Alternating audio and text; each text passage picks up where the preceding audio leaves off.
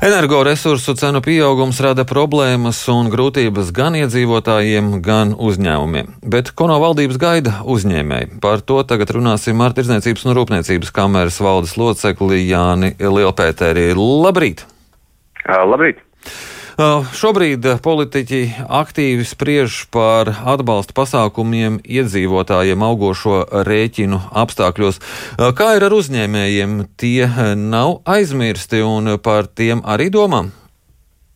Uh, nu, jāsaka tā, ka vēl pagājušā gada izskaņā uh, jau, protams, kad brīdī, kad sāka risināt šo energoresursu cenu sadārdzinājumu problēmu un samazinot arī sadalas tarifu, Protams, ka ar tiem mētātiem pasākumiem arī kaut kādā mērā biznes, biznesam zinām palīdzība ir sniegta, bet nu, šobrīd redzam to, ka nu, tā krīze šodienas acīm ir daudz nopietnāka nekā varbūt to redzējām pagājušā gada izskaņā, un šobrīd tamdēļ arī tieši aicinām valdību aktīvāk skatīties arī uzņēmumu atbalstu virzienā. Un, nu, šā brīža diskusijas, protams, pagaidām dzirdam vairāk tikai vēstījums par to, ka valdība strādā pie risinājumiem, kā atbalstīt gan iedzīvotājus, gan uzņēmumus, bet nu, konkrēts risinājums vēl pavisam noteikti gaidām.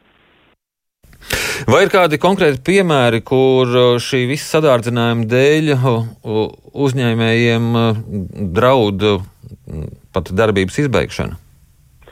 Uh, jā, nu, esam uh, saņēmuši no virknes dažādu nozaru uzņēmumiem tādus bažīgus signālus par to, kā tad uh, šis ievērojamais energoresursu sadārdzinājums varētu ietekmēt viņu darbību. Un, uh, uh, veicām arī tādu nelielu LTK biedru ekspresu aptauju, kur uh, no, sākot no piekdienas līdz pirmdienai piedalījās uh, aptuveni 140 LTK biedri. Un, uh, Nu, šeit faktiski jau daļai iezīmējās to, ka arī energoresursu cenu pieaugums varētu gan ietekmēt negatīvi šo uzņēmumu finanšu situāciju, gan arī nu, jau pie, pie vēl būtiskāka sadārdzinājuma jau arī nozīmēt uh, vismaz daļēju uzņēmumu ierobežošanu.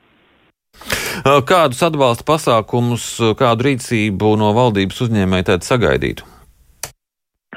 Jā, šobrīd no LTRK puses arī tādā rūpniecības uzņēmuma ietvarā esam definējuši tos iespējamos virzienus uzņēmumu atbalstam, un tur uh, Um, šobrīd tie pamata ierosinājumi, varētu teikt, ir uh, trīs. Uh, vispirms izstrādāt tādus kā tiešus atbalsta instrumentus uzņēmumiem, kas varētu būt arī nu, vismaz kāda daļēja, uh, teiksim, tā izdevuma kompensācija šajā virzienā tieši energoietilpīgiem uzņēmumiem. Uh, tad uh, viens no būtiskajiem aspektiem, kas vairāk gan saistās tīri ar to procesuālo situācijas pāraudzību, esam aicinājuši, ka nu, šo energoresursu uh, krīzes jautājumu daudz vairāk un proaktīvāk vērtīt tieši ministrs prezidents uh, tādā ministru kabineta ietvarā. Un trešām kārtām esam aicinājuši arī uh, vērtēt iespējas uh, saskaņot ar Eiropas komisijas, ar Eiropas komisiju tādus īstermiņa pasākumus, kuri šobrīd uh, atbilstoši Eiropas komisijas uh, noteikumiem nav pieejami atsevišķām energoietaupīgām nozarēm. Uh. Šobrīd arī m, mm, aug ne tikai rēķini, bet arī eh, Covid statistika vai inficēto un kontaktpersonu eh, darba nespēja šobrīd eh, apgrūtina kādu uzņēmumu darbību.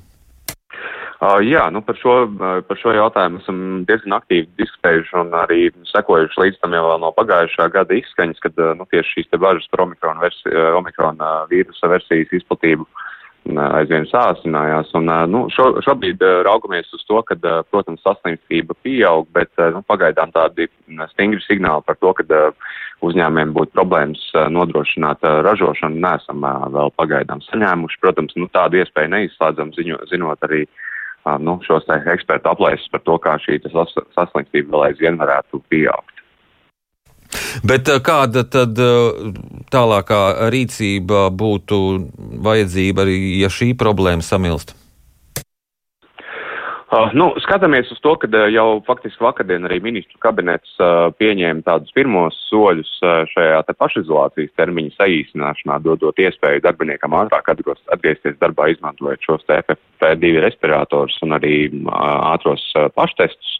Un tas, protams, ir pozitīvs virziens, bet redzam to, ka, nu, skatoties, skatoties uz situācijas attīstību, droši vien arī, ka par šo te pašizolācijas termiņu saīsinājumu būs jādomā jau tādu, ar tādu horizontālāku skatījumu. Proti, ka varbūt skatāmies nu, uz to, kā maksimāli saīsināt šo te pašizolācijas termiņu arī nu, pēc, iespējas, pēc iespējas plašāk. Bet šis jautājums ir tikai pašu uzņēmēju problēma, jeb arī kaut kādi atbalsti no valdības būtu sagaidām? Nu, ja mēs skatāmies uz šo te, nu, tādu vīrusa krīzes menedžmentu kopumā, tad, protams, vēl aizvien atvērts jautājums ir par to, kā nu, no valsts puses iespējams varētu mm, kompensēt uzņēmumiem izdevumus saistībā ar ātro antigēnu testu izveidi. Tas šķiet nav noslēpums, ka uzņēmēji būtībā vienmēr ir iebilduši par tādas obligātas kārtības un obligātas uh, antigēnu testēšanas noteikšanu, bet tajos gadījumos, kad uzņēmums šos te antigēnu testus veids, Nu, mēs redzam, ka tas palīdz uh, menedžēt šo vīrusu izplatību, un tādā ziņā pavisam noteikti arī būtu labi, ja būtu no valsts puses kāda stimula, kas palīdz arī šādus te, papildus pasākums ievies. Nu, tā vie, viens no tiem virzieniem, par kuriem esam runājuši, ir jā, šie šo te izdevumu par testu iegādi, kompensāciju vai testu piegādi. Nu, tas jautājums vēl aizvien mums ir tāds nelīdz galam atrisināts. Bet kuras ir tās nozares, kas šobrīd jums, teiksim, zvana trauksmes zvanus saistībā gan ar šo briestošo Covid situāciju, un kuras ir tās nozares, kuras savukārt zvana trauksmes zvanus saistībā ar šiem pieaugušajiem tarifiem? Jā, nu saistībā ar pieaugušiem energoresursiem kā jau, kā jau minēju, arī LTK tāda ļoti ātrā ekspresa aptauja iezīmē to, ka faktiski energoresursu jautājums satrauc būtībā visus komersantus, bet nu, tie būtiskākie viennozīmīgi ir tie, kas ir energo ietilpīgie ražotāji, kam liels uh, elektrības un iespējams citu resursu patēriņš ir vajadzīgs savas produkcijas saražošanai. Piemēram, ja skatāmies uz, uh, piemēram, nu, šie, šie tie pēdējie konkrētie piemēri varētu būt uh, Balmieras stikla šķiedra, uh, es, avota SVF, uh, kas arī liels ražotājs ražo uh, IKEA mēbeles tepat uh, vidzemes pusē.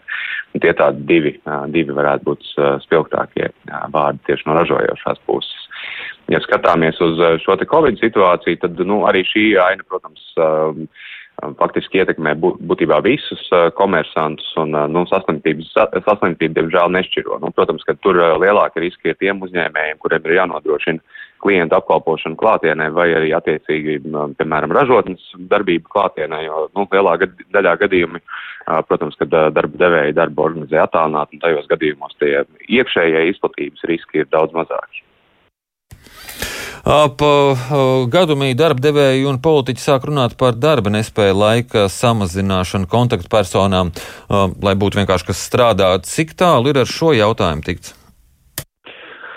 Jā, nu šis, šis arī ir viens no jautājumiem, par kuriem noteikti nu, turpināsim vēl diskutēt tajās, tos, tos starp operatīvās vadības grupās. Nu, šobrīd tāds, tāds konkrēts lēmums šeit, šajā šķiet nav pieņemts, bet nu, tas arī noteikti viens no virzieniem, par kuriem jā, jāturpina runāt. Jā, liels paldies jums par uh, šo sarunu. Atgādinu, ka mēs sazinājāmies ar Tirzniecības un Rūpniecības kameras valdes locekli Jānu Lielpēteri un runājām par to, ko šajā brīdī no valdības sagaida uzņēmēji.